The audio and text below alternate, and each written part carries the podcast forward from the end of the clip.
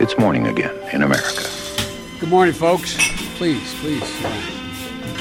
Come on, let's go. Let's go get some coffee. Thank you very much. Det er tirsdag 19. mai, og morgenkaffen er servert. Aller først, to korte saker.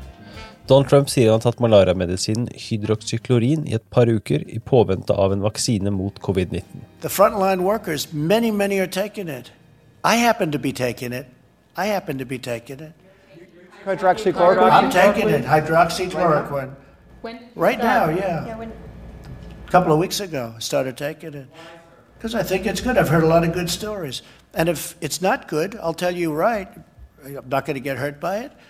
It's been around for 40 years for malaria, for lupus, for other things. I take it. Frontline workers take it. A lot of doctors take it. Excuse me. A lot of doctors take it. I take it. Og justisminister Bill Barr forventer ingen etterforskning av tidligere president Barack Obama og Joe Biden, på tross av hva Trump har sagt om saken.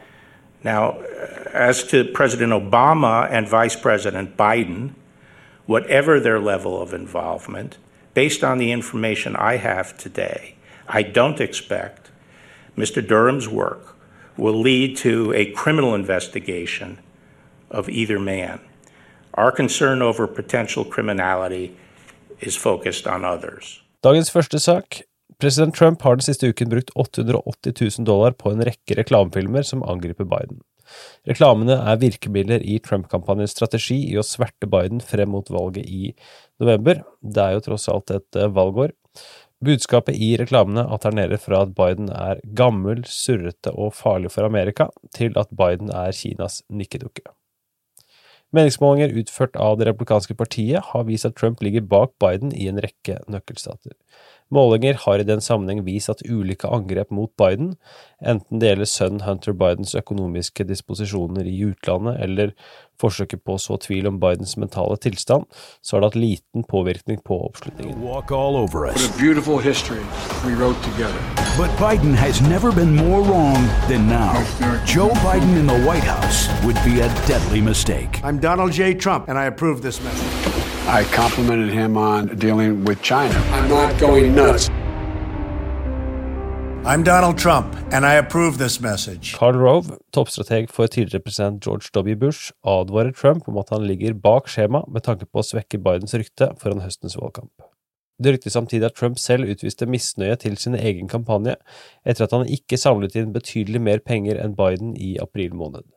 Begge kandidatene samlet inn i overkant av 60 millioner dollar i april, mens Trump-kampanjen med knapp margin samlet inn litt mer enn Biden-kampanjen. Dagens andre sak, Trump ligger bak Biden blant eldre velgere.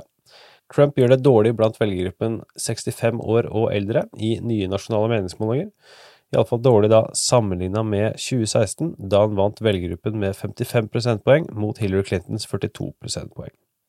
Gjennomsnittet av nasjonale målinger viser nå at Biden leder, riktignok marginalt, i denne aldersgruppen, med 48% mot Trumps 47% Det er ikke bare i aldersgruppen 65 pluss at Trump har hatt nedgang.